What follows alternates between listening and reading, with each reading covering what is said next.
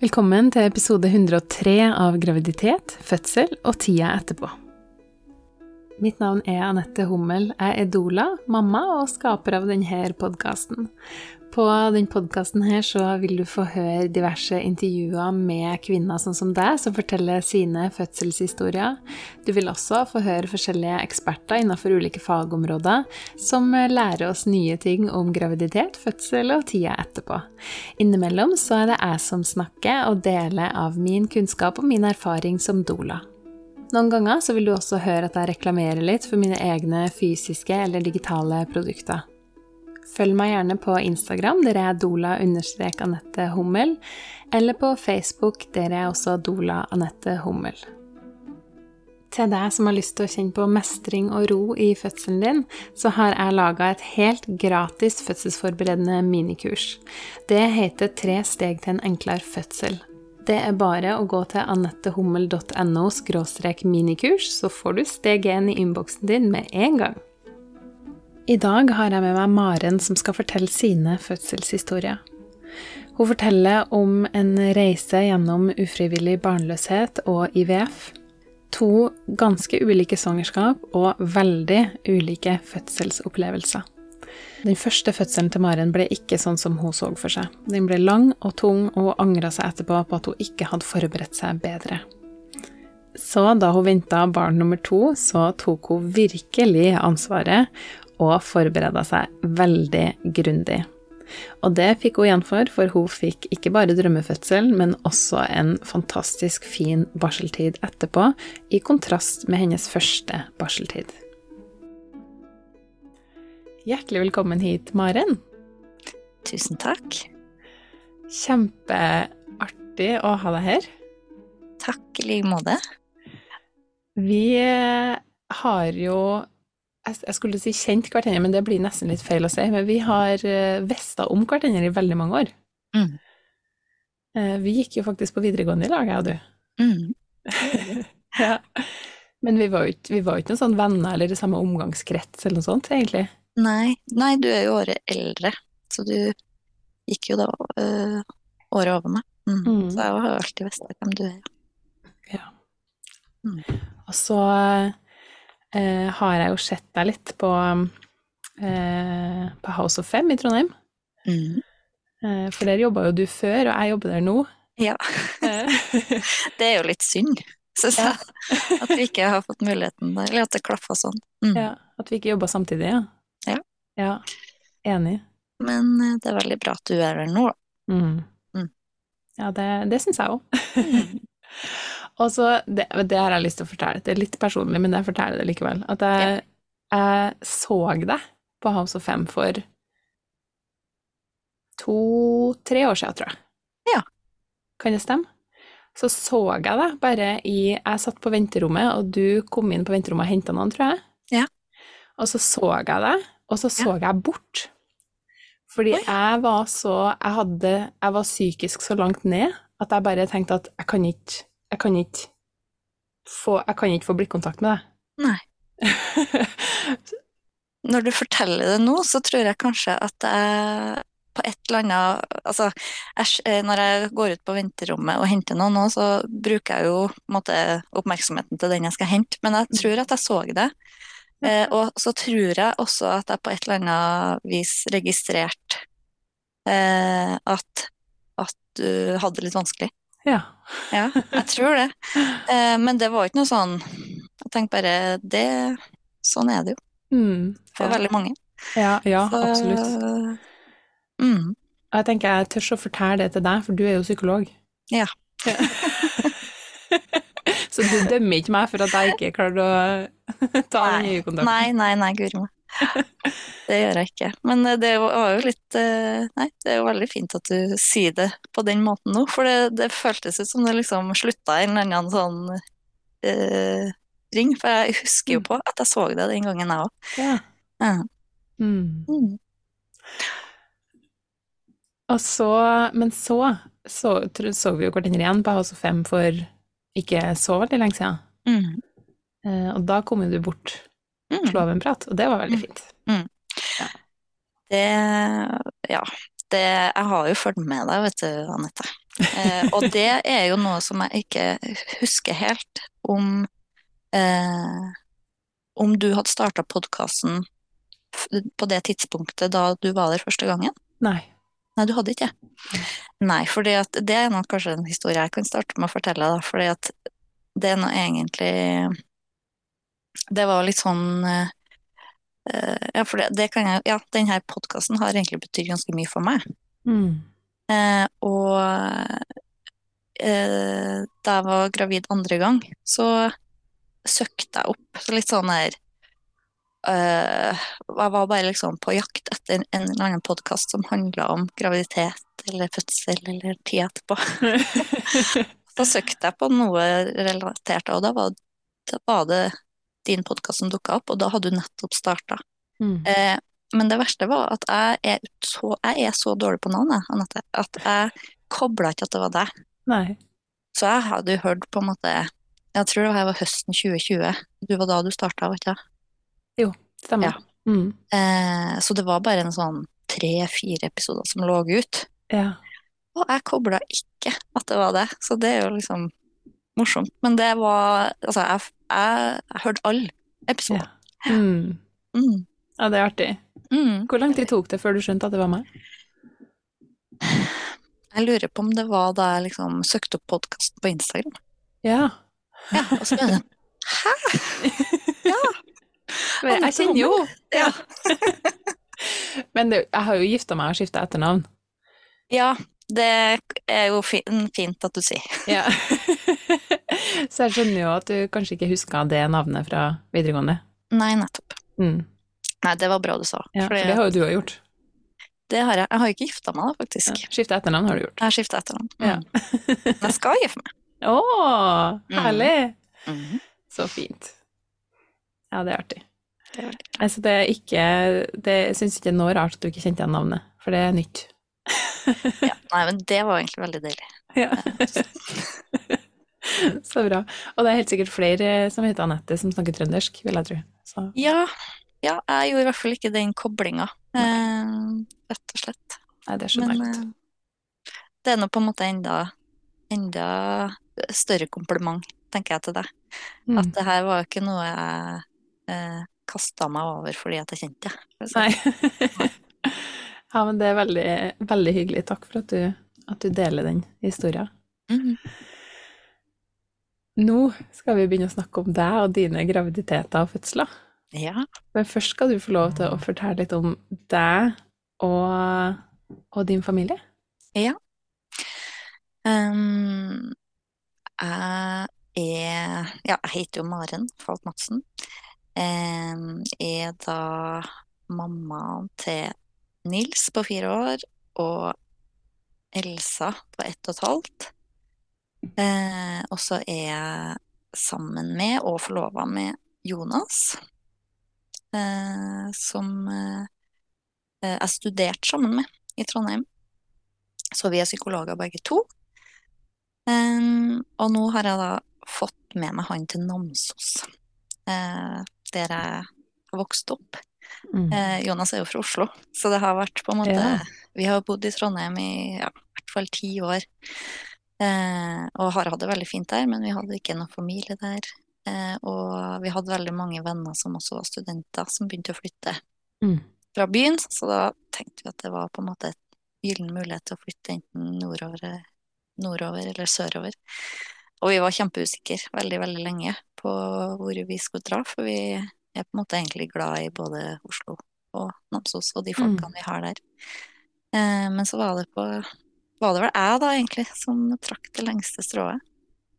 Ja. For det føltes nok veldig eh, Det satt veldig langt inn for meg å skulle flytte lenger bort fra min familie. Mm. Så eh, jeg tror nok på en måte det var det som ble litt sånn ut, utslagsgivende. Ja. Så nå har vi bodd her siden i august, og Mm. syns egentlig at det her småbylivet er ganske bra. Selv om det er oppussingskaos og nye jobber og liksom innkjøring og mange prosjekter. Så det er litt sånn, men vi øver oss på å liksom prøve å leve litt sånn rolig i det. At Ja. ting ikke er helt sånn på stell. Mm. Eller det er jo på stell nok, tenker jeg. Ja. Mm. sant? Det er jo, jeg tenker sånn for ungene sin del også er det jo ikke det er jo ikke så viktig for dem hvor ryddig eller lite støvete det på en måte. Nei, det er ikke det. Nei. Eh, det viktigste er vel at eh, jeg og Jonas ikke lar oss påvirke av det. De Mm. vil jo på en måte lide av støv, dem òg, hvis eh, det hadde vært veldig vanskelig for oss. Ja, ikke sant? ja, det er sant. Ja. det er kanskje Men, det viktigste. og det er ikke så lett alltid, på en måte, å ikke la seg påvirke av alt det som eh, man tenker at skulle ha vært gjort, eller eh, men, eh, men da må man på en måte dra seg litt tilbake og tenke på hva som egentlig er viktigst, ja. Ja. Sant. Mm.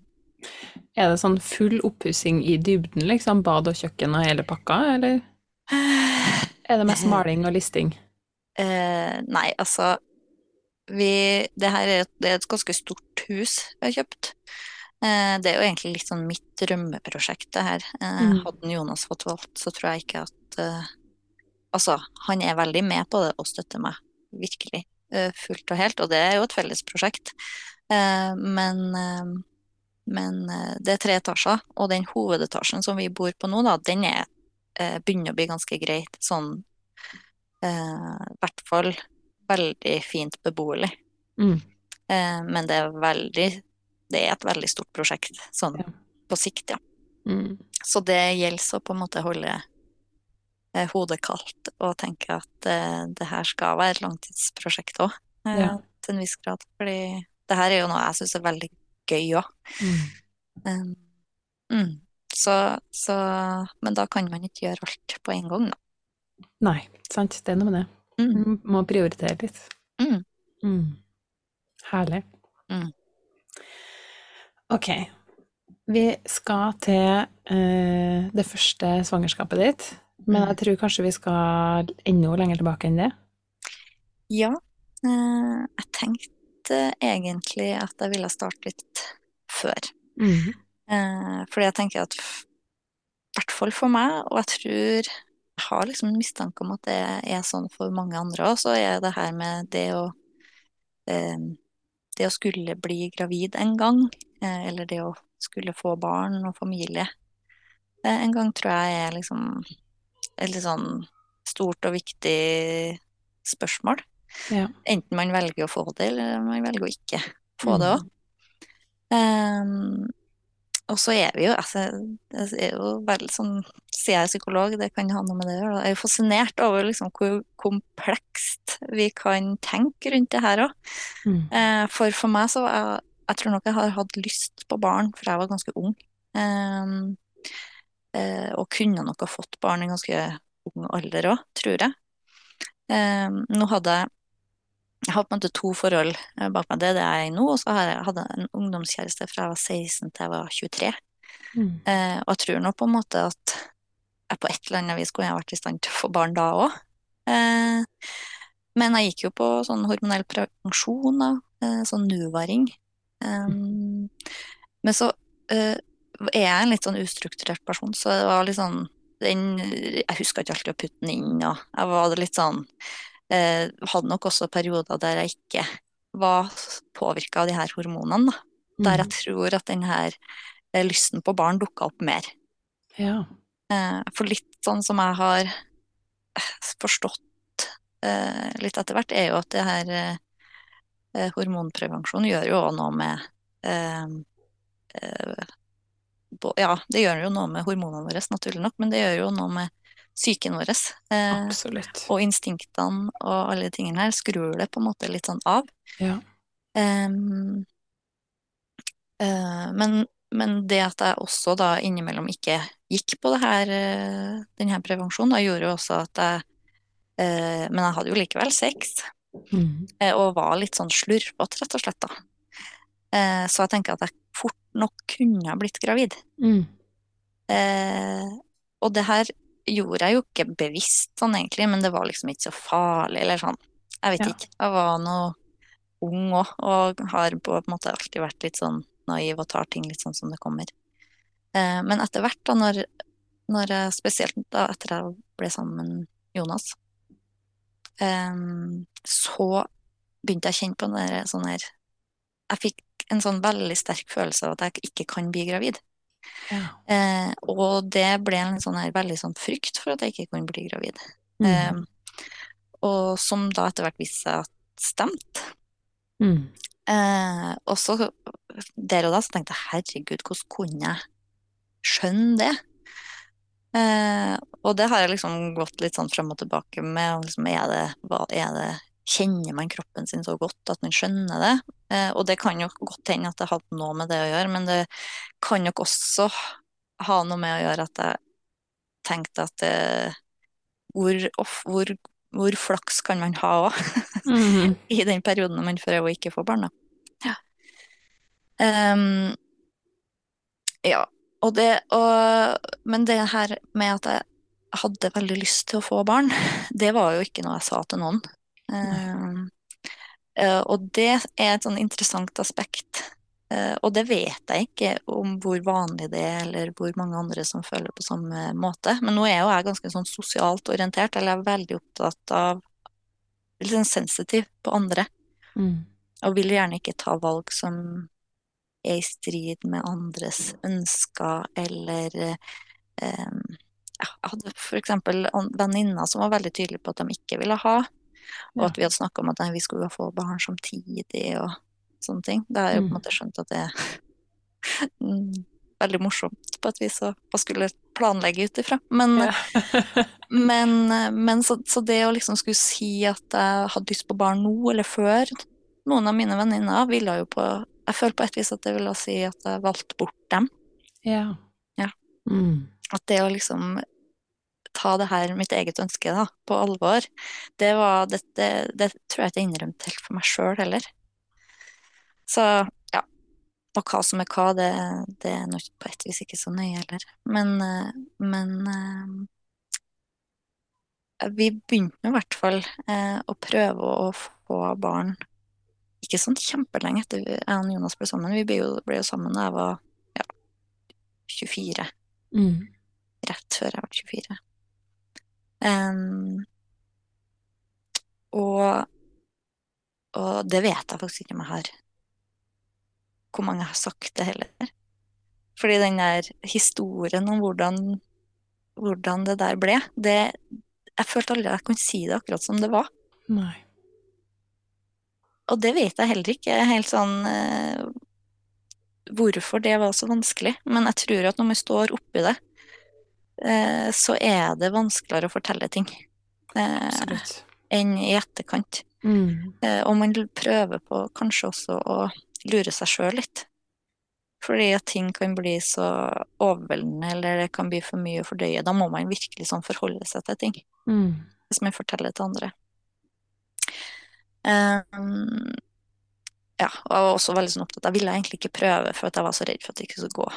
Uh, og den der beskjeden når jeg, når jeg fant ut at jeg ikke kunne bli gravid sjøl, for jeg tette eggledere, viste det seg.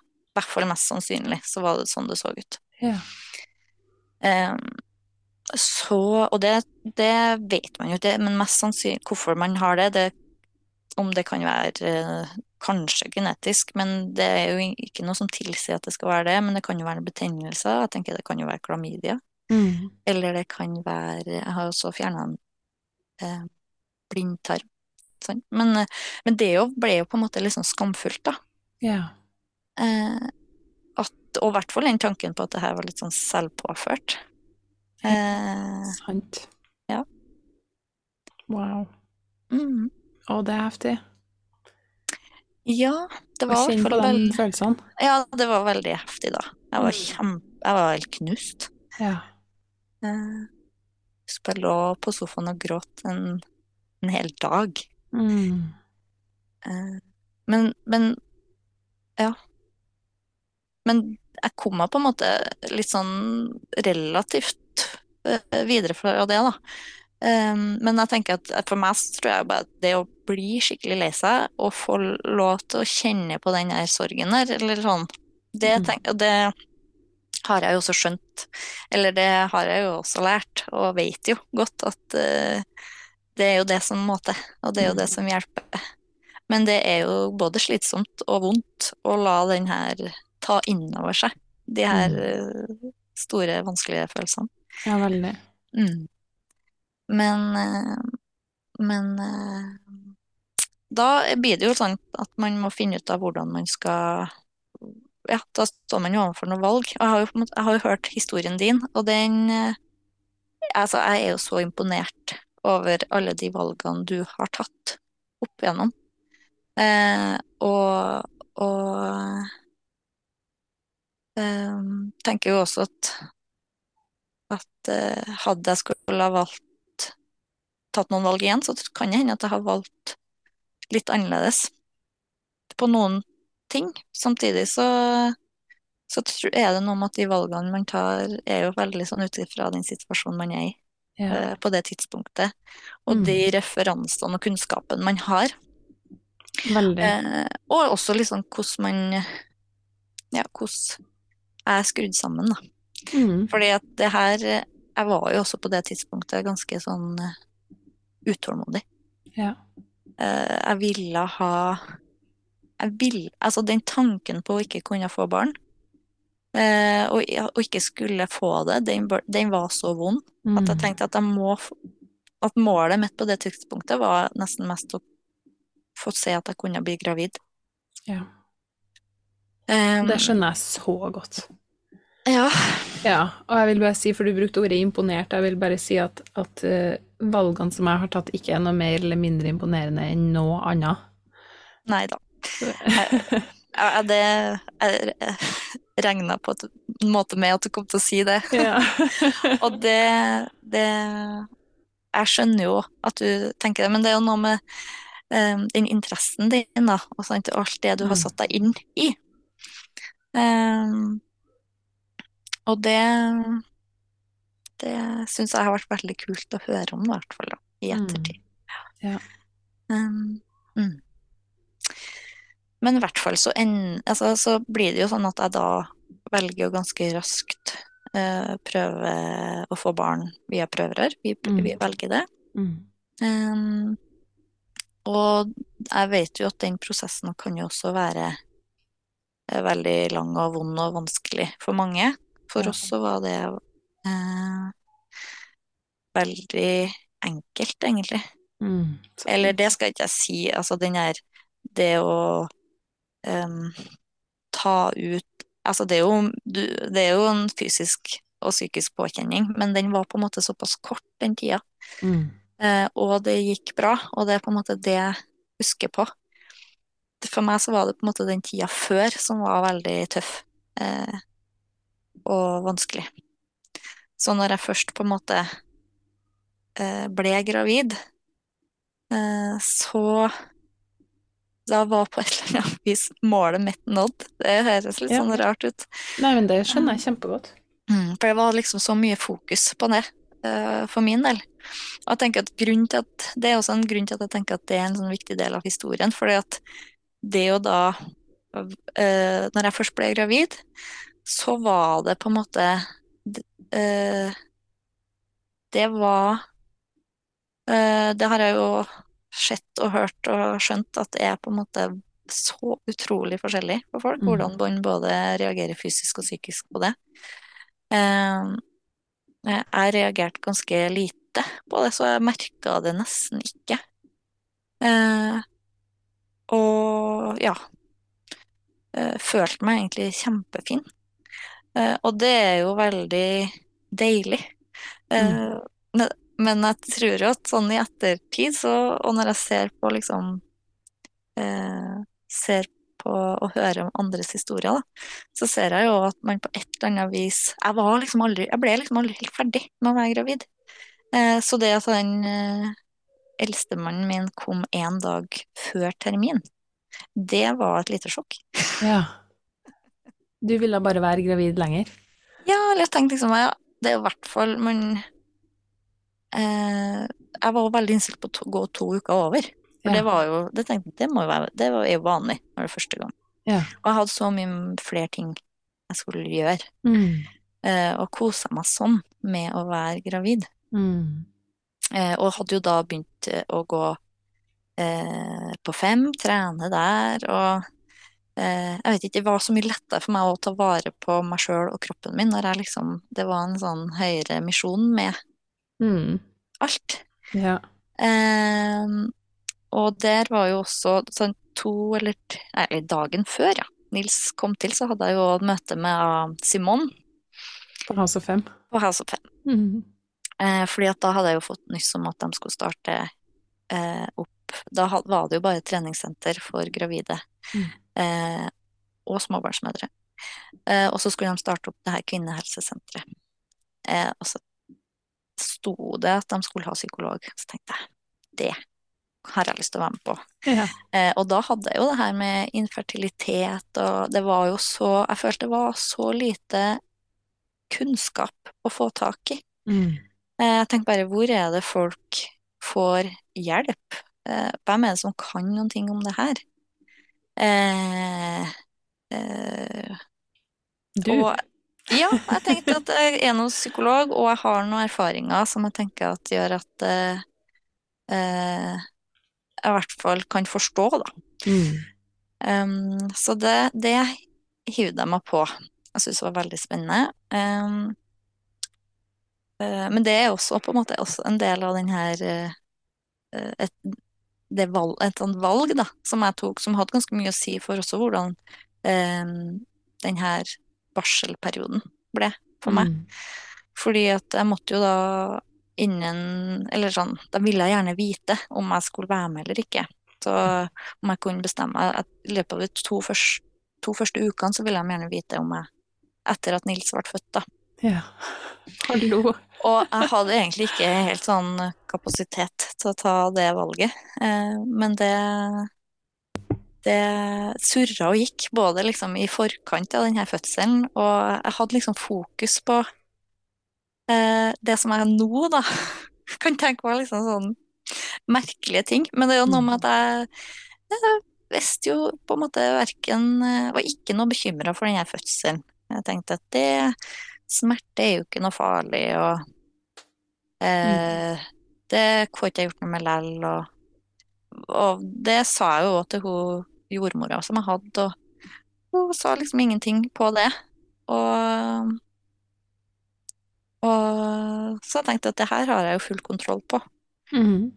Og så, så, så jeg tenkte Og motivasjonen min mye til det her kvinnehelsesenteret eh, å starte der var jo også liksom hvordan man kan eh, ja, jobbe med ting, eh, holde på med en karriere som man velger litt sjøl, eh, selv om man blir mamma, og Mm. selv om man liksom Det var en liten sånn feministgnist i meg, da, som, som eh, eh, gjorde at det her engasjementet var så stort, da, Ja.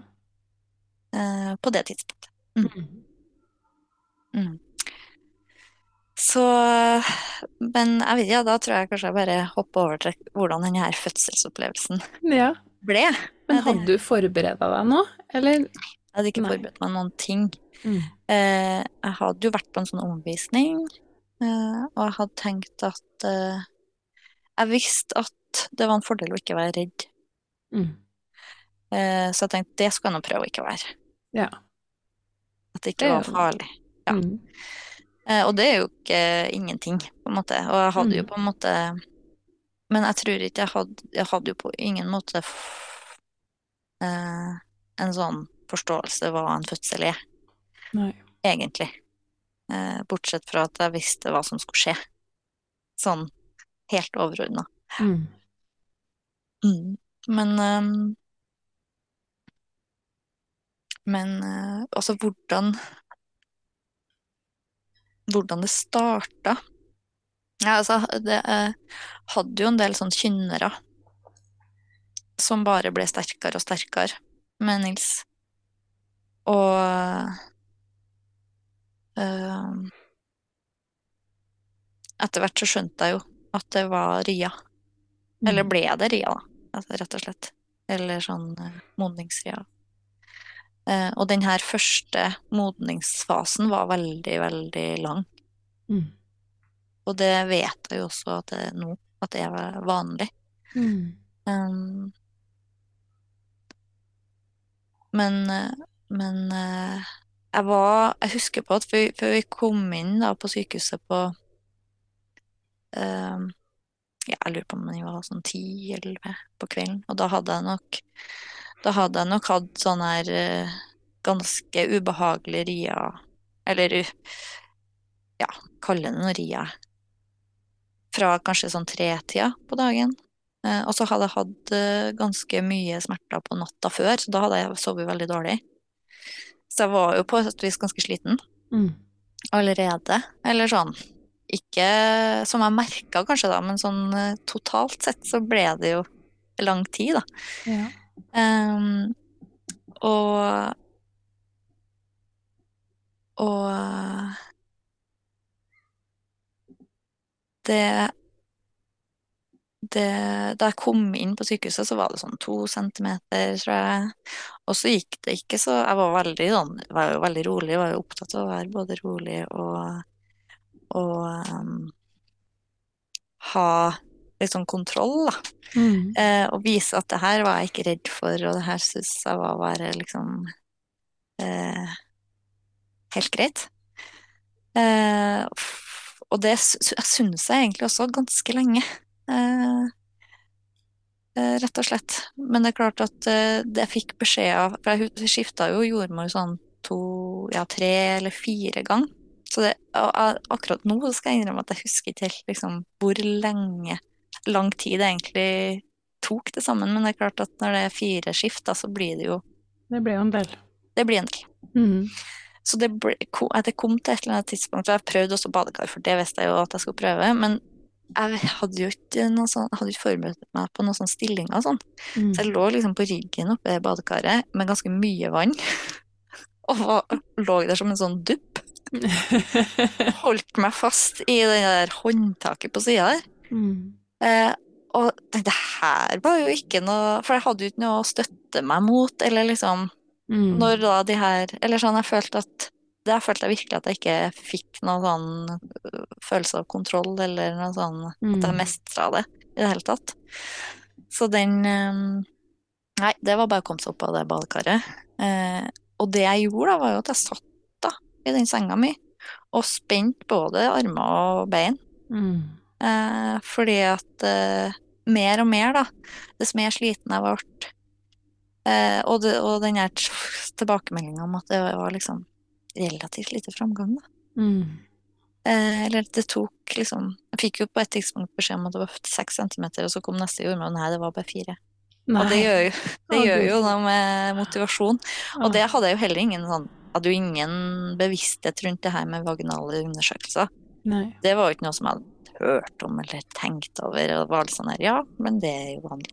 Det er sånn det, er sånn det er i fødsel. Mm. Ja. Det, men det gjorde jo ganske mye med motivasjonen min, da. Mm. Ehm, ja. Og når jeg da, ja, klokka fire på ettermiddagen Det her var vel da fredagen, da. Ja.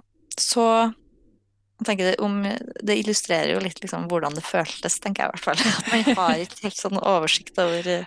Nei, nei, nei. tid. Ingen begrep om tid. Nei, men, eh, men da, da kjente jeg at nå, do- det her eh, Jeg mista, mista motet, rett og slett. Og da, Mm. Så da fikk jeg epidural. Eh, og der og da så funka jo det ganske bra, fordi at det tok jo allerede igjen. Så jeg fikk Mhm. sove med en time. Ja. Og det var jo veldig Men jeg måtte jo ha ria. ja. Men det er også lurt å få en pause hvis man begynner å bli sliten. Ja, og det Altså, sånn sett så var det på en måte helt greit. Sånn som Mm. situasjonen min var da. Um, og, men problemet er jo sant, at da setter de, setter de opp da på drypp for å Mhm. få i gang igjen. Ja. Eh, og det var jo helt grusomt. Mm. Eh, og det var det liksom fra start da i Kanskje det var fem da, da. I 54. Mm. Og da føltes det ut som en eneste lang rie. Helt oh, wow. til Nils var født i nitida Mm. på kvelden. Eh, og da, men da var det veldig godt å ha han Jonas. Han eh, pusta jo da med meg. Det, det hadde jeg jo Jeg husker ikke om jeg hadde forberedt meg på det, men det var likevel det som ble en strategi, da. Mm. Eh, uten at jeg følte at det var noe sånn eh, hjelp i seg sjøl, men det å ha på en måte fokus sammen med han, og at det var en jobb vi gjorde i lag Selv om han sa jo at det, han så jo eh, dødsangsten i øynene mine. Fordi Mm. at Og jeg tror på et eller annet tidspunkt jeg sa at dette her må jo være vond Altså, det her må jo være verre enn å dø. Mm. Åh, wow.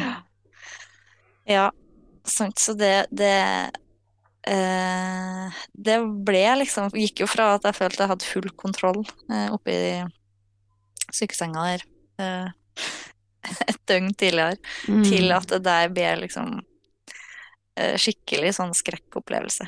Ja. Eh, og eh, selve Men selve liksom press, pressefasen, det var jo bare i fem, ja, 20 minutter, tror jeg. Og det var på en måte for så vidt ganske greit. Eh, og Men jeg følte ikke at den her epiduralen virka noe lenger, da, etter at jeg fikk dryppet. Eh, men det er en ting som ikke så mange vet, men de fleste anestesileger vet det. Eh, og det var tanta mi som fortalte meg det, hun er anestesisykepleier. Eh, at, eh, for jeg har jo rødt hår, Ja. og eh, rødhåra eh, reagerer på smertestillende på en annen måte. Trenger mer smertestillende Hæ? for å bli smertelindra. Mm. Er det sant? Ja. Så de skjønte jo egentlig ikke helt hva som var greia, for du har jo en hestekur, sa hun eh, jordmora til meg. Men Ja. jeg var liksom Altså, smertene forsvant fordi at riene forsvant, men når riene kom tilbake, så var jeg ikke smertelindra i det hele tatt. Nei. Nei. Wow. Så, så det var jo liksom Det var jeg ganske sikker på at uansett eh, hvordan en eventuell neste fødsel blir, så skal jeg ikke ha epidural, da. Mm. okay, For ja. det funka. Det føltes ikke som noe hjelp, da. Nei, du tenkte det var bortkasta? Det føltes veldig bortkastet. Ja. Ja. Mm. Men, eh, men jeg vet ikke, ja, det det her gjør med meg, da, eh, det er jo at jeg, er, jeg føler på et vis at jeg er litt sånn i sjokk når Mm. Nils kommer ut. Og jeg har en sånn irritasjon nesten i kroppen. Sant? Du er jo så høy på adrenalin, og det er liksom masse sånn Ja. Ja. eh, stress i kroppen. Jeg skjønner. Mm. Eh, og ja, det og da, selv om jeg, liksom, jeg fikk den jo på brystet, og eh, så var det liksom Og jeg var jo veldig opptatt av sånn oppi hodet mitt at jeg skulle ha fokus på han, og at jeg skulle Mm. liksom Det her er den første kontakten, og eh, Men det var ganske vanskelig å koble seg på. Og så er det jo så mange ting som skjer, sant, med det der. Skal jo den morkaka ut, og så var det altså, Sånn som jeg husker, da, så var det ei jordmor eller annet som, som, kom fra sida, og liksom eh, Nesten sånn Jeg husker det som at jeg ble slått i magen. Åh. Men det er jo det at de, de skal få den her eh, livmora til å trekke seg sammen. Men det var skikkelig vondt, og det var ikke noe, noen som sa Det var ikke noe advarsel, på en måte. Mm. Og det jo var en sånn der Ja, jeg var litt sånn sjokkert over måten det ble gjort på. Men det er klart at det er jo noe med tilstanden min der og da òg, som gjør at hvordan jeg tolker ting, og hvordan ting oppleves for meg, jeg trenger ikke å ha helt sånn sammenheng med hvordan det var. Men jeg tenker følelsen og opplevelsen er jo likevel reell, da. Absolutt. Ja. Mm. Eh, ja, så det var på en måte den Det var liksom en sånn eh, start som jeg skjønte at ikke var så bra. Mm. Det skjønte jeg, og jeg skjønte at eh, på barselhotellet dagen etterpå så var jeg fremdeles liksom litt sånn i sjokk, og de som da Og det var jo en sånn greie at det kom jo masse folk på besøk. Ja. Familie og sånt. Ja, og det var liksom Det, det hadde jeg heller ikke reflektert noe særlig over før i, da. Mm. Og det er, for man vil jo gjerne vise fram, og det er jo veldig koselig, men det er noe med at det er jo plutselig da den her babyen som er i fokus. Mm. Eh, og ja. Nei, uff. Ja. Det er heftig. Mm. Mm. Det er litt heftig å eh, tenke på liksom uh, ja, egentlig litt heftig å tenke på hvordan jeg hadde det da. Mm. Uh, Fordi jeg, det var jo som at man skrudde opp et sånt gir, så jeg- det var jo liksom uh, uh, var på en måte ingen, ikke noe, det var ikke noe handlingslammelse på noe vis. Men det er noe med den der Ja, den der første tida der Mm. som ja, burde ha vært Som jeg kunne ønske ha vært annerledes. Mm. Både for meg og Nils, egentlig. Ja. Mm. Det, men det, det er skikkelig vondt å Mm. kjenne på det. Mm. Ja. Og det blir jeg ofte liksom overraska over. Jeg har jo på en måte fortalt denne historien ganske mange ganger. Mm. Og jeg husker på i starten også, så fortalte jeg den jo litt som en sånn Nesten litt som en sånn standup. Mm. Mm. Litt fordi at eh, man har jo behov og, og lyst til å fortelle også, men eh, det, det er For meg så var det en sånn her Ja, det var nok noe bearbeidelse i det. Men fremdeles, da, så sitter jo den følelsen ganske sterkt i, da. Eh, og gjorde nok òg ganske mye med eh, Ja, gjorde jo veldig mye, da, med, med hva Hvordan jeg gjorde ting i forkant av neste Mm. neste fødsel. Mm. Eh, og i hvordan den graviditeten var òg, egentlig, hva som var fokuset mitt. Ja. For det ble jo på en måte eh, den tida mellom den her fødselen, den første fødselen, og at jeg blir gravid igjen, da.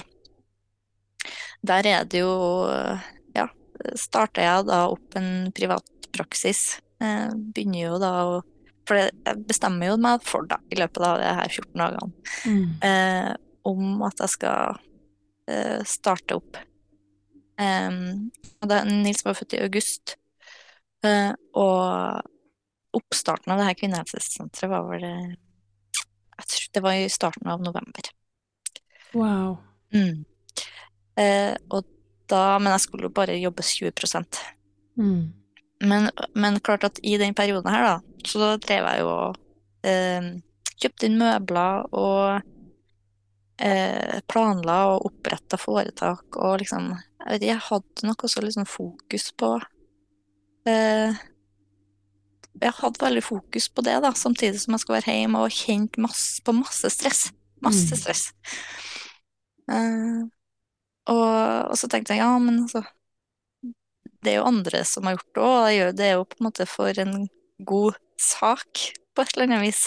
Ja. Eh, men jeg ser jo det at for meg så var det egentlig helt feil valg. Og jeg vet jo at hadde hadde jeg eh, sagt at jeg ville starte senere, så hadde jeg jo kunnet gjort det. ja, sant. Mm. Men da følte jeg liksom det er nå det her toget går, og jeg har lyst til å være med fra start. Og, og, og det, det gjorde jo også at den her starten med en baby, bare det å få den her babyen var jo et kjempesjokk. Mm. Uh, av mange grunner. Sant? Litt som jeg sa, at jeg hadde liksom ikke tenkt så veldig mye på hvordan det skulle bli mens jeg var gravid, for at jeg var på et vis ikke tvunget til å tenke så mye på det heller. Fordi det var bare supert å være gravid. Ja. Um, og så at jeg hadde det her prosjektet i tillegg, da. Med å skulle starte opp privatpraksis.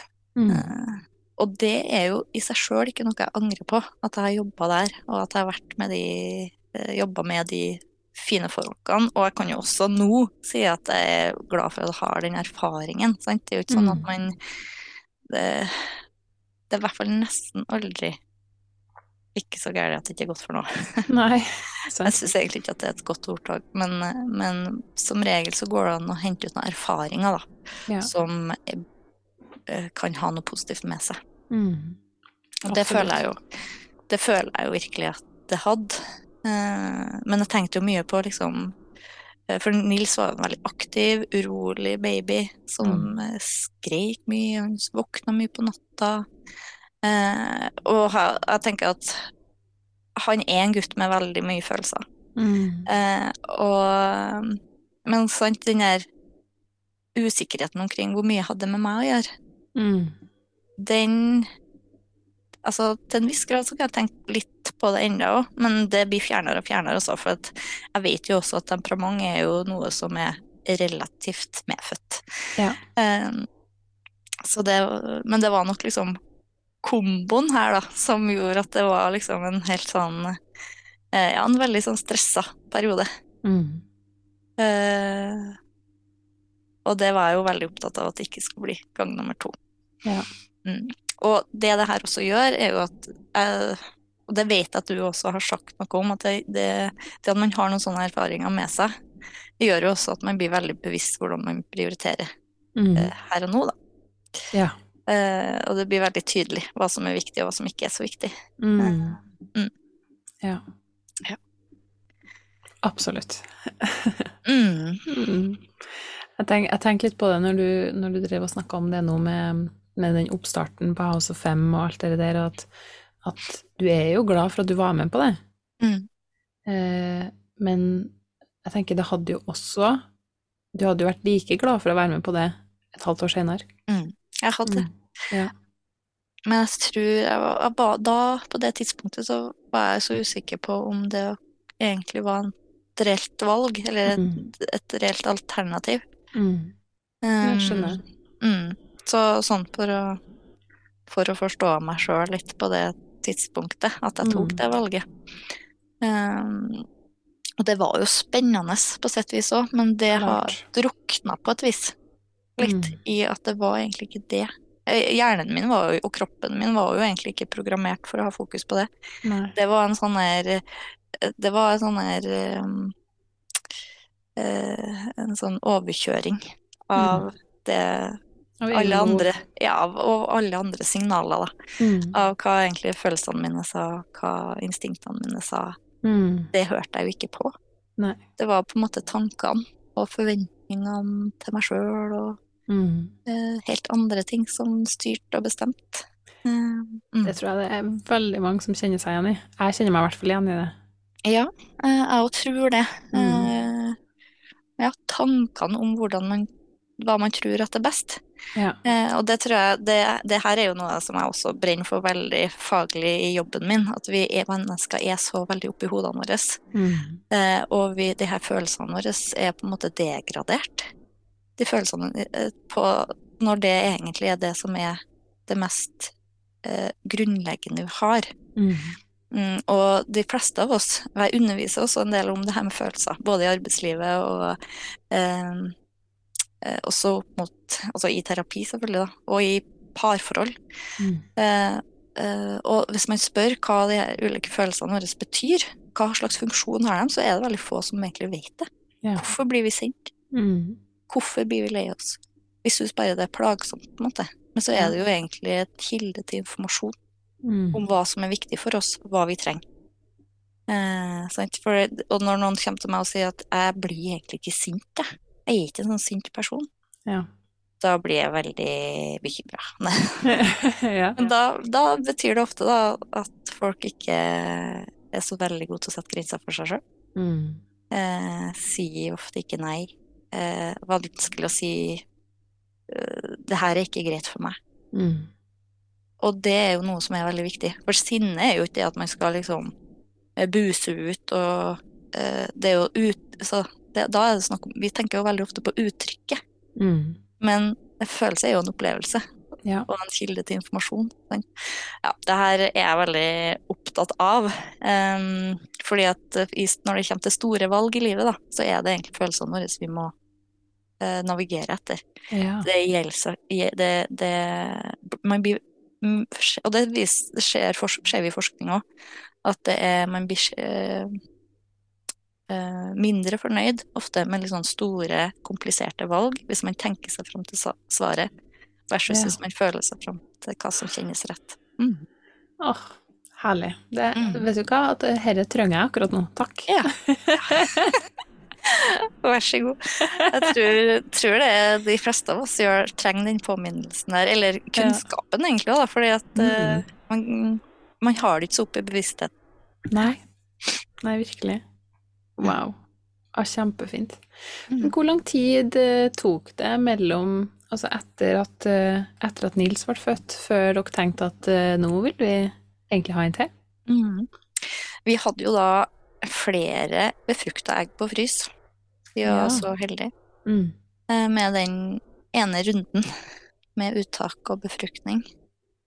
Um, så vi um, hadde jo en plan om at eh, når han var sånn et par år, da, eh, så kunne det være passende. Mm.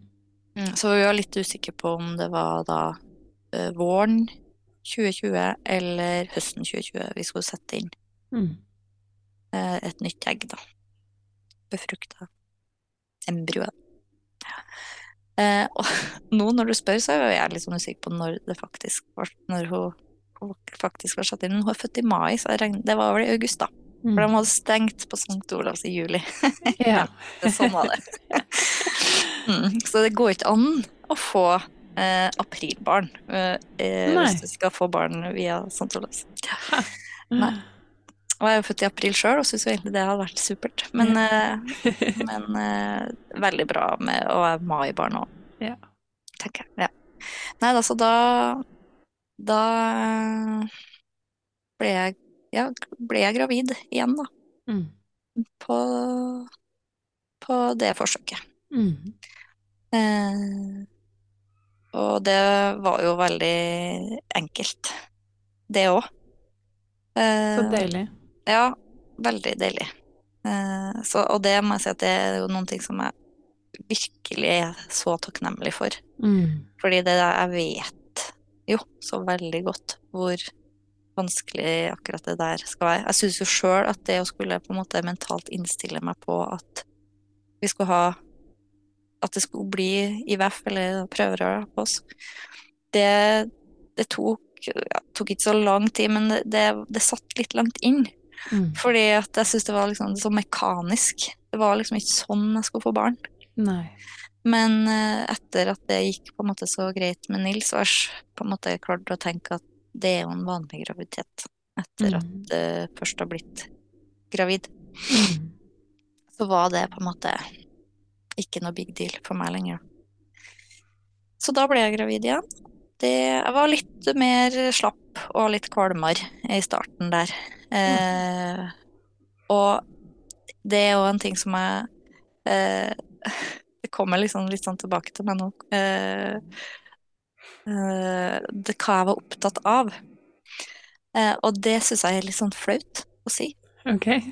Eh, men jeg tenkte jeg skulle se det likevel, for det tror jeg heller ikke er sånn unormalt. Eh, men sant, om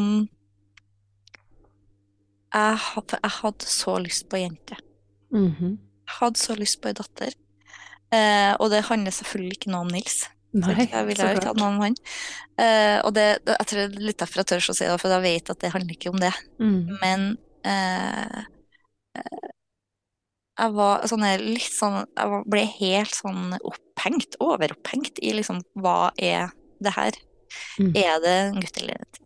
Fordi at jeg tenkte at er det en gutt, så er det selvfølgelig helt greit, men da må jeg være litt forberedt. Ja. Eh, og da hadde eh, Jo, så jeg hadde jo guttenavn klart, og var, begynte å forberede meg ganske mye på det. Eh, og tok jo da også sånn tidlig ultralyd og alt mulig rart, fordi at det var liksom så Jeg måtte vite det, for Jeg, var, jeg ble helt sprø av det. Ja.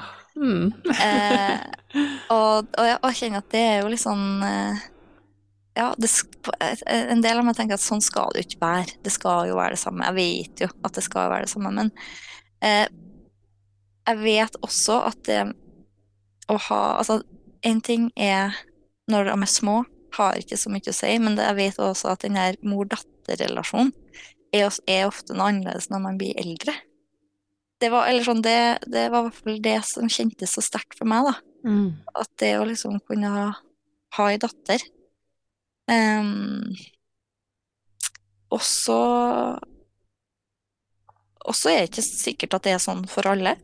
Men så har jeg også møtt mange uh, guttemammaer som syns at det der er vanskelig, fordi at de har fått mange De har fått gutter, Mm. og syns at det er helt fantastisk. Uh, men de skulle gjerne ønska seg datter. Og Ja. det er ikke lov å si, på et vis. Ehm, så jeg tror det er litt derfor jeg blir litt sånn opptatt av at jeg sier det likevel. Mm. Det syns jeg er veldig fint. Ja, Fordi uh, det tenker jeg at det, det er jo på et vis ikke noe jeg bestemmer at jeg vil ønske meg heller. Nei. Og det er gjerne et Jeg føler at det er litt sånn med sånne skambelagte følelser. Mm. At det er sjokkerende mange som har de samme skambelagte følelsene. Og så er det egentlig unødvendig skambelagt. Mm. Fordi at det er jo så vanlig. Det er veldig vanlig. Men det er klart at det handler jo om at man ikke vil støte noen, eller Mm. eh, si at noe er verdt noe mer enn noe annet. Mm. Eh, men jeg tenker at det går an å, å tenke at det er to forskjellige ting, da. Ja, nettopp. Du kan samtidig være kjempefornøyd med sønnene dine, Mm. og ønske deg ei datter. Mm. Mm. Og kanskje også være litt trist for at du ikke fikk den dattera. Ja. Men det er klart at da er det Da er det Da må man klare å være litt sånn ryddig med seg sjøl, følelsesmessig òg. Fordi at det, det, da dukker det ofte opp dårlig samvittighet og skam overfor de ungene man har. Mm. Så det gjør akkurat det her, det her temaet også litt sånn eh, komplisert. Ja. Jeg merker at jeg, jeg føler liksom behovet for å, å også ha inn deg som fagperson. Ja. Og, og snakke om ikke altså, I Mm. tillegg til fødselshistorien din, Mm, at vi har en annen prat om de tingene her, for det syns jeg er så spennende. Ja, så bra. Ja, Ja. Det vil jeg veldig gjerne. altså fint. Det, det Ja, jeg brenner virkelig for det her. Eh, selv om jeg også nå da er veldig sånn opptatt av å være tydelig på at det er liksom livet mitt hjemme som er viktigst. Mm. Eh, Så fint. ja, men det, er jo en, sånn, en liten sånn fanesak, men det kan vi ta senere.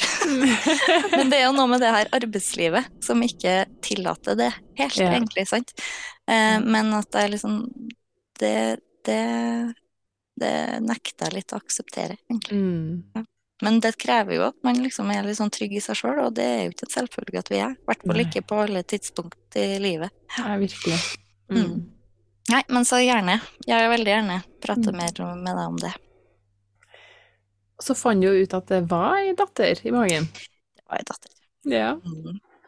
Det var ei datter. Eh, og, og det var ikke helt sånn fritt for at jeg har hatt litt sånn akkurat Og det er det som er så rart med det menneskesinnet, at akkurat da jeg fikk vite, så klarte jeg ikke å bli så glad. Nei. For da hadde jeg jo innstilt meg på at det var en gutt. Ja. Og da sørger jeg bitte litt over han gutten jeg ikke fikk. Mm. Ja. Jeg, jeg skjønner den òg, jeg. Ja. Eh, så, men, men så klart kom jeg jo over det. Mm. Eh, og ble jo gleda meg jo òg veldig eh, over at det eh, skulle bli en datter. Mm. Og så skal jo det sies at, eh, at eh, nå når jeg har en, eh, altså en gutt og ei jente, så er det jo eh, Er det jo i hvert fall så langt ganske likt. Ja. sånn følelsesmessig, men selv om det er på en måte mye som er forskjellig også. Men det er noe med at eh, der òg kan jo hende at det liksom tanken er sterkere ofte enn og Mm. annerledes enn en realiteten. Ja. Mm. ja, for det er jo en person som Det er kommer. det. Det er jo Det det, som er så Ja. Eh, så det, og det er jo veldig fint å få den, å Mm. oppdage det. ja, ikke sant? Det får jeg jo da, fikk jeg jo da muligheten til å oppdage. Mm. Ja, Mm. det er fint. Men ja, den her eh, resten av graviditeten klart det er jo selvfølgelig annerledes når du har en, et barn fra før, men eh, jeg husker heller ikke den her graviditeten som noe spesielt vanskelig. Bortsett fra Nei, nei, ikke vanskelig, men den er annerledes fordi at jeg nå var mye mer inn i en gravidboble. Ja. Og det var også veldig litt mer sånn bevisst.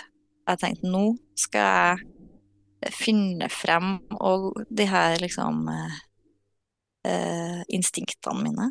Mm. Eh, la det få plass. Eh, fordi at jeg har på en måte skjønt at det er så mye mer enn eh, det jeg tenkte at det var sist. Mm. Og ja, da starta jeg jo da den høsten her eh, med å høre på de her podkastene. Eh, meldte meg på Det tror jeg at jeg fant. Tror jeg fant et sånt engelsk positive The Positive Birth Company, tror jeg Ja. de heter. Mm. Så jeg meldte meg jo på et sånt eh, fødselsforberedende kurs digitalt. Og så oppdaga jeg jo etter hvert at det også fantes på eh, norsk, eller hun Line da hadde starta opp. Jeg lurer på, jeg husker ikke om hun hadde starta opp det året. Men det var nå i hvert fall eh, ikke så stort som det er nå, da, for å si det sånn. Mm. Um, men jeg syns også det her engelske var helt fantastisk. Eh, jeg syns det var så fantastisk. Eh, det ga sånn mening. Um, og jeg eh, Selv om jeg hadde en eh, Altså, jeg, jeg var så mye mer sånn rolig og eh, opptatt av eh, det som skulle skje, og at denne starten og denne fødselen og det her, alt skulle bli annerledes. Eh, og det ga meg også en sånn ro eh, og trygghet. Og Jonas eh, ble jo også da eh, involvert. Jeg prata nesten ikke om noe annet enn det her. Mm. Eh, og det hadde jeg jo Hadde jeg på en måte tillatt meg det forrige gang, så hadde, kanskje, hadde jeg kanskje gjort det da òg, men da var det liksom helt andre Da var det liksom de her sosiale strukturene som bestemte. Eh, og den her eh, Det at jeg, det skulle jo ikke noe annerledes selv om jeg var gravid. Jeg skulle ikke bli noe annerledes selv om jeg var mamma. Mm. Og det, der og tror jeg det er veldig mange som går rundt og tenker. At man skal jo ikke forandre seg som person. Um, litt sånn for å ikke skuffe noen andre, på et eller annet vis. Mm. Og det tenker jeg jo nå at uh, er helt motsatt, på et vis, av det som jeg gjorde. Jeg føler at det, sånn, jeg gjorde det totalt motsatte. Og jeg føler jo fremdeles at jeg er meg. Jeg føler nesten at jeg har vært mer meg yeah. av det. Mm. Eh, og at det var lettere å, å, med de her relasjonene når jeg var liksom ekte og autentisk i de her følelsene, og hva som var viktig for meg, da. Mm. Fordi at det som eh, Overraskende nok, da, så eh, både aksepterer og respekterer folk som er glad i deg, at man gjør det. Ja. Sant? Ja, klart. Eh, og jeg har ei veldig, veldig god venninne, eh, eh, Marte, som òg eh, eh, på et eller annet vis tror jeg også prøvde å si det her til meg i mange ulike former, Mm. fra vi, vi studerte også sammen. At Maren, du du har lov til å vise at du er glad, eller at du har det bra, eller hva du har lyst til. Mm. Eh, sånn, det var i helt andre sammenhenger òg. Og jeg tror mange ganger at hun også følte at jeg liksom overforklarte mange ting, hvorfor jeg tok de valgene jeg tok. At jeg følte at jeg måtte forsvare veldig mye. Mm. Eh, og, men da så skjønte ikke jeg helt hva hun mente, og det er ikke sikkert at hun eh, tenkte sånn heller. Eh, vi har prata gjennom det meste, vi også, men jeg er usikker på om vi har prata om akkurat det her. Ja. Nei, det tror jeg jeg må, jeg må prate med henne om snart. Mm. Mm. Nei da, men poenget da med at alle de, altså den her eh, helt motsatte holdningen eller eh, innstillinga eh, hadde veldig mye å si. Mm. Eh, og det er jo en erfaring som mange gjør, gjør seg, men at det liksom Det er så eh, Altså rekkevidden av hva denne forskjellen betyr, da. Eh, den er det vanskelig å beskrive, Mm. fordi at det er så altomfattende. Eh, det å bli Det er klart at det å bli mor og, og første gang og det her eh, Det er klart at jeg, jeg, jeg skjønte ikke hvor stort det var før så lenge etterpå. Mm. Sant? For det var ikke kobla på eh, ordentlig. Eh, jeg har jo på en måte skjønt at det gjorde jo masse med meg, eh, enten jeg ville eller ikke. Men det å eh, gjøre, være i denne forandringa også den gang nummer to, men med en helt annen mindset, mm, i mangel av bedre ord, var bare så mye bedre. Mm. Rett og slett. Så det endte jo også med og, og, og så kan man si at en del av meg var kanskje litt sånn spent på ja, men blir denne fødselen veldig annerledes, selv om man har gjort de her forberedelsene. Mm. Um, men jeg var ikke noe bekymra eller redd, for det er jo noe med at det her eh, den her type for, uh, sånn, den her type forberedelser da, uh, gjør jo at du på et eller annet vis er forberedt for alt, uansett utfall. Ja, det er det At det er. hele clouet. Mm. Så det er jo det som gjør at du får den her tryggheten. At det, det, det uansett hva som skjer i realitetene her, sant, så Ja. spiller ikke det egentlig noen rolle. Nettopp. Og det var jo det som skjedde, sant. Og det mm, og, alt, og det ble jo også sånn som jeg hadde håpa. Mm. Eh, og eh, jeg tror jo egentlig sånn Nå når jeg har fått såpass mye avstand til den, eller nå er det helst ett og et halvt år, så tror jeg jo at det fysiske utgangspunktet var ikke så forskjellig. Mm. Eh, fra den fødselen med Nils. Men det er, den, det er uten tvil den mentale biten som hadde Mm. utgjorde det hele, da. Ja. Men det ble jo også en mye kortere eh, fødsel, men det tror jeg jo da handler om at jeg var jo ikke stressa. Det, det har nok absolutt også noen ting å si. Det er jo vanskelig å si hva som er hva. Selvfølgelig, selvfølgelig. Men, men det er klart, stress eh, hjelper ikke fødselen framover, Nei. for å si det sånn. Nei. Og det, og det, eh, det er bra du sier det, for det tenker jeg at det, eh, med all respekt for alle som gjør masse forberedelser, så blir ikke det som man har tenkt likevel. Ja. Det vet jeg jo at skjer, for det kan jo være så mange ting som Mm. eh, skjer. Ja. Eh, men i hvert fall med tanke på, hvis jeg sammenligner med min forrige fødsel òg, da, der også eh, babyen hadde jo det fint hele tida der òg. Mm. Og han lå jo helt rett, eh, og det var liksom ikke noen komplikasjoner, egentlig. Sant? Så, så det var liksom eh, På papiret, da, så tror jeg nok de kanskje på et eller annet vis ser ganske like ut, bortsett fra Mm. at den var mye lengre. Ja. Og at jeg fikk epidural, eh, og at opplevelsen min var helt annerledes. Mm. Så, så det er bare en sånn her Ja, det er en veldig interessant eh, opplevelse, det òg. Det å ha de her to fødslene og sammenligne. Mm. Eh, og at det da handler om meg, Mm. eh, som utgjør den forskjellen. Ja, wow. Mm. Hvordan uh, starta fødselen den gangen her? Um, jeg tror Altså, de her startene føles på et vis ganske lik, men eh, Men eh, jo. Eh, Men de var jo ikke det. Dagen Eller hva Men det har liksom vært på netteren. De uh, netteren før har starta, så har jeg liksom hatt ganske mye mer sånn kraftige kinngjører, og det hadde jeg en gang her òg. Men nå var det jo da to uker før termin. Ja. Så det var jo enda tidligere. Men nå Mhm. var det jo på en måte helt greit. ja. Eh, det var ikke noe sånn motstand i meg Mm. eh, mot at jeg skulle starte. Eh, men jeg oppdaga jo at jeg, tror den her slimproppen gikk Mm. om natta. Eh, fordi det var jo Og det var liksom eh, på natta, og så Så jeg kjente jo det eh, der jeg lå og sov, at det her var noe rart eh, som kom ut. og liksom, jeg liksom tok det i handa og liksom tok det med ut på badet. Så tenkte jeg ja ja, men så, visste jeg, så jeg tenkte at ok, det her slimproppen, det vet jeg jo hva jeg er. Mm. Eh, og så visste jeg jo også at det kan jo likevel gå 14 dager Ja. før fødselsstart. Ja. Eh, men den starta vel natta etterpå, da. Mm. Eh, I ett-tida, tror jeg, på natta. Og jeg, ja, jeg tror det. Mm, Mm. Jo. Natta etterpå. Så da eh, Og da hadde jeg jo bestemt meg for å være mest, lengst mulig hjemme.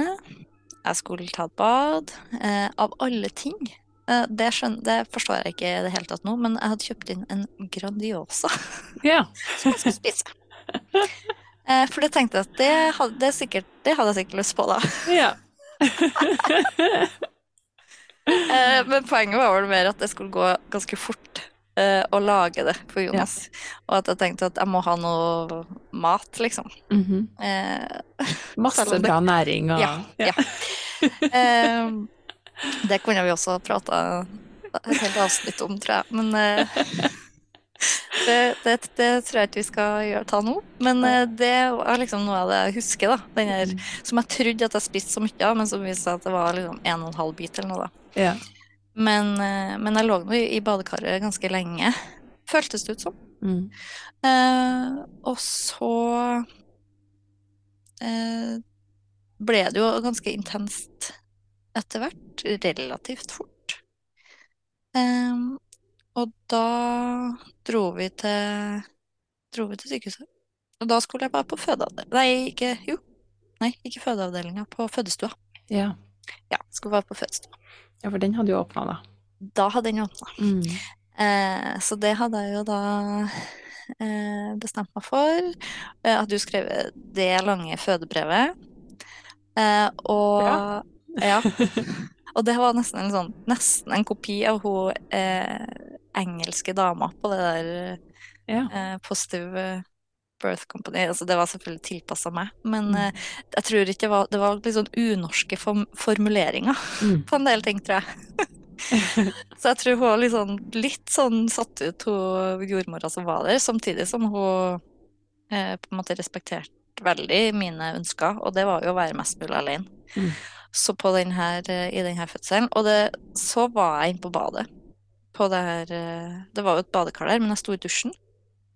Og jeg sto i dusjen eh, Det er jo en sånn miljømessig aspekt ved, da. Eller de timene i dusjen. Men det var utrolig deilig. Og satt på en sånn ball i dusjen. Mm. Eh, ville bare være for meg sjøl. Eh, helt mørkt. Spist lite grann frukt. Hørt på musikk. Og liksom sto inni den dusjen her og dansa. Mm. Og jeg husker Jonas sa at han For han fikk egentlig Jeg syns ikke han var så veldig til hjelp da. Eller jeg var vel så verre inni min egen boble. Det var ikke noe, han gjorde ikke noe galt, stakkar. Men jeg ville bare være der for meg sjøl. Og han sa på et eller annet tidspunkt når han kom inn, så tenkte han han angret seg litt for at han ikke filma meg, for det så ut som jeg var på sånn silent disco. Og sånn, ja. Og så jeg husker jo på at jeg kosa meg med det, selv om det var jo det var jo det var jo ikke liksom totalt smertefritt, det vil ikke jeg si.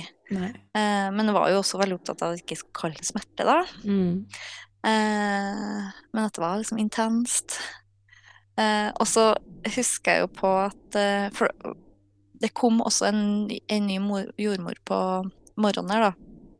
Så, Og, så det her i vaktskiftet i åttetida eh, Og da var det ganske Da nærma det seg veldig.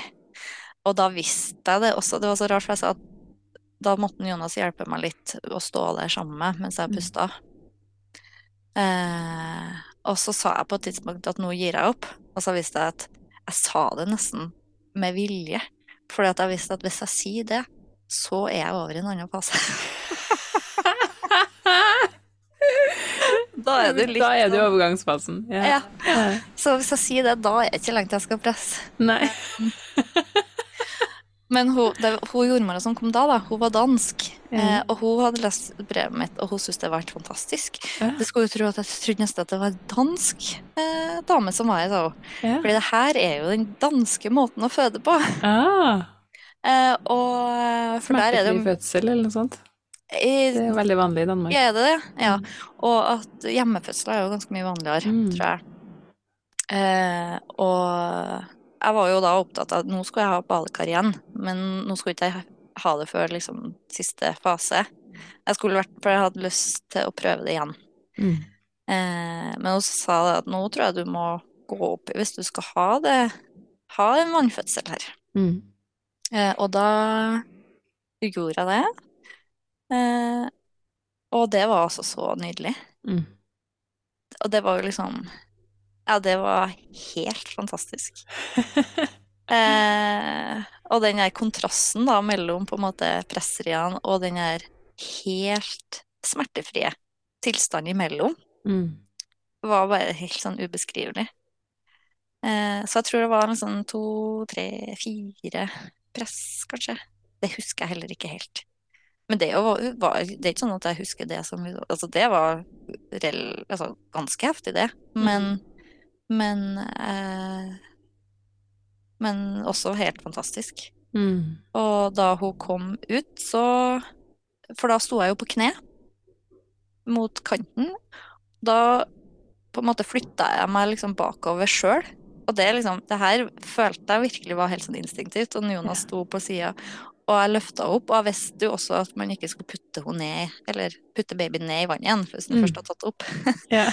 Så det var jeg litt opptatt av. Det husker jeg på at jeg tenkte. Og så så jeg at hun hadde navlestrengen to ganger rundt halsen. Mm. Og det er jo bare sånn tjopp, tjopp. Gjorde jeg sjøl. Bare gjorde det sjøl. Mm. Og Jonas bare var helt sjokkert. Uh, jeg tror jeg syntes det var liksom så heftig å se på. Ja. Um, og det, altså, jeg har aldri opplevd uh, en kulere følelse, altså. Det er empowerment, altså. Fy Ja, flate. Og det var liksom Og det, altså, og det er klart det er morsomt med all den der metatenkinga man gjør liksom litt Mm. sånn samtidig. Yeah. Det er sånn yes! Uh, at det her ble sånn som jeg hadde ønska meg. ja. Uh, og, og det er Det var en helt fantastisk eh, opplevelse, rett og slett. Ja, wow. Og det gjør jo selvfølgelig også noe med den tida etterpå, Mm. som eh, ikke kan sammenlignes med den andre. Og den roa og den følelsen. Og jeg har et bilde, og det angrer jeg meg egentlig for at jeg ikke sendte det, av meg når jeg kom hjem dagen etterpå. Eh, og det fjeset på meg, da, Mm. det tror jeg ikke at jeg eh, har sett på noe annet bilde. Mm. Å, men det må du sende meg. Ja, jeg skal gjøre det. Mm. Jeg bare kom på det nå. Ja. Ja. Herlig. Å, Veldig. wow. Mm. Åh, jeg blir helt eh, Jeg blir litt rørt, jeg. Mm, Eh, koselig. Og det er jo sånn, bare den følelsen vi sikkert begge to sitter litt med nå, mm. sammenligna med den der dagen etterpå fra forrige fødsel. Ja. Det er liksom, det er så stor kontrast. Mm. Ja. Så jeg tenker at for meg så er det å, det å fortelle det her, det handler jo eh, handler mest om å si at det er mulig, da. Ja. Eh, det er enda et eksempel på at det er mulig. Mm. Ja, så fint. Mm, Og at jeg ønsker meg virkelig den der opplevelsen for absolutt alle. Mm. Eh, Ja. Au. Og at tenke at det er mulig, også uavhengig av hvordan fødselsforløpet faktisk ser ut fysisk. Da. Mm. Det tror jeg liksom virkelig inderlig på. Ja, absolutt. Enig. Mm. Men det er klart at jeg hadde jo en motivasjon. Mm. Eh, hvis, det, hvis, hvis den eh, første fødselen hadde vært liksom helt OK, så er det ikke sikkert at jeg hadde på en måte investert all den tida jeg, jeg gjorde. Da. Nei, sant. Men det mm, vet man jo ikke. Det er jo også en bølge som har kommet i mye større grad da, akkurat i denne tida her. Mm. Eh, Så det har jo blitt mer, mer sånn fokus og oppmerksomhet på det. Ja. Så det vet man jo aldri. Mm. Ja, wow. Eh, Jeg blir litt sånn eh, målløs, kjenner jeg. Jeg, jeg syns det er så Nei, jeg syns det er så fint, og jeg syns det er så flott at du deler alle de tingene som som, er, som kan være skambelagt, og som er vanskelig å snakke om. Eh, og det som er så viktig å snakke om. Mm. Mm. Det setter jeg veldig stor pris på. Mm. Mm. Takk. Du tar det jo også imot på en måte som gjør det lett å dele, da, Anette. Men, Mhm. eh, Og jeg setter veldig pris på at jeg får muligheten. Har fått muligheten. Mm. Så fint. Har du, utover det du har nevnt allerede, noen ressurser som du har lyst til å anbefale til gravide eller småbarnsforeldre? Eh, ja mm. Det er jo det her Altså, jeg må jo si at eh, det blir jo en repetisjon, egentlig. Men det her uh, fødselsforberedende kursene Mm. og det her positiv fødsel-kurset til Aline anbefaler jeg jo virkelig. Mm. Eh, men også det å liksom ha litt sånn lav terskel for å oppsøke hjelp eh, hvis det er noen ting man Og det trenger ikke være at man det, det trenger ikke være et stort problem, da. Mm. Eh, men at eh, at eh, Og noen ganger så er det ikke så mye som skal til heller. Før man eh, Man eh, for, for, at ting kan bli litt lettere. Mm. Hvis det er vanskelig. Ja. Men, men, generelt så er det det her med, med forberedelse som er mm. liksom stikkordet. Eh, og at det ikke kan undervurderes mm. nok, på en måte. Ja. ja. Eh, og så Jeg vet ikke hvorfor, men det her med eh, småbarnsforeldre og det her med altså Apropos den her Grandiosaen og ernæring mm. og sånne ting, så føler jeg at det er også en litt sånn jeg er så usikker på om det er en sånn fordi at det er ting jeg er opptatt av, ting jeg føler. Men det her med hva kosthold og mental helse og syke og har å si, mm. det har vært litt sånn for meg de siste årene, egentlig etter de her to barna, litt, vært litt sånn revolusjonerende. Eh, og det er jo også, føler jeg, en litt sånn bølge nå. Mm. Eh, men det kan hende at det er bare i, i mine kanaler. Eh, ja. men det å liksom eh, følge med litt på den her ernæringsdebatten som går, og hvor mye det kan ha å si for ja, både gravide og ammende og eh, små barn eh, mm. og mennesker generelt. Eh, det tror jeg at vi også har undervurdert da, ganske ja. Eh, kraftig. Virkelig. de siste ti årene, for å si det mildt. Mm. Så det er kanskje noe av Uten at Det er jo noe med liksom, hvordan klare å ha fokus på det her uten at det skal bli for stressende, eller noe som blir på en måte en belastning. Ja. Men jeg tror jo at uansett at kunnskap, da, Eh, og oppdatert kunnskap, og det å liksom få ting fra flere kilder, og mm. klare å finne ut av eh, hva som gir mening, da. Ja. Uh, det tror jeg blir litt sånn tilbake til hvis vi hører på instinktene og hva som egentlig bor innerst inni oss, uten å tenke for mye på alt det som har blitt lagt oppå ja. oss. Så det tror jeg skal tror jeg runde av med det. Kjempefint. Um, og hvor kan folk eh, ta kontakt med deg? Mm, nå har jeg jo Jeg har faktisk en privatpraksis i Namsos òg. Mm. Eh, mm, men eh, det er nå på en måte Den er nå generell, sånn sett. Men eh, så jobber jeg også på eh, noe som heter Friskgården, som handler om liksom, arbeidslivshelse. Mm. Um, uh, men jeg tenker jo at hvis folk vil ha kontakt med meg, så kan de jo sende meg en mail på min private mailadresse, egentlig. Eller på Instagram. Du har jo Instagram-kontoen min, jeg husker nesten ikke hva Ja, men jeg kan skrive det i episodetekstene. Både ja. mailen din og Instagram. Ja. Så, um, så det må Hvis det er noen som har noen spørsmål eller lurer på noe, så er det hjertelig velkommen til å spørre. Kjempefint. Svært koselig. Mm. Tusen hjertelig takk for din deling, Maren. Det har vært så verdifullt. Det har, det har heva min dag et par hakk, i hvert fall. det var veldig koselig høre. Mm. Tusen takk for at du hører på graviditet, fødsel og tida etterpå. Hvis du likte denne episoden, så blir jeg kjempeglad hvis du deler i sosiale medier eller med venner eller bekjente. Veldig gjerne tagg meg hvis du deler på sosiale medier, sånn at jeg kan si tusen takk og si hei til deg.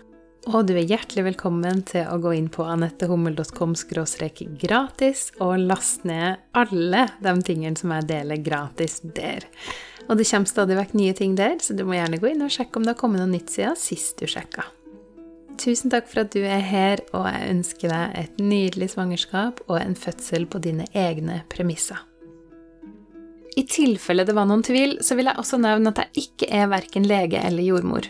Temaene som tas opp på denne podkasten, er kun ment som generell informasjon, ikke som råd eller oppfordring til handling. Hvis du har spørsmål eller bekymringer når det gjelder din egen eller ungene dine sin helse, så vil jeg på det sterkeste anbefale at du snakker med legen eller jordmora di.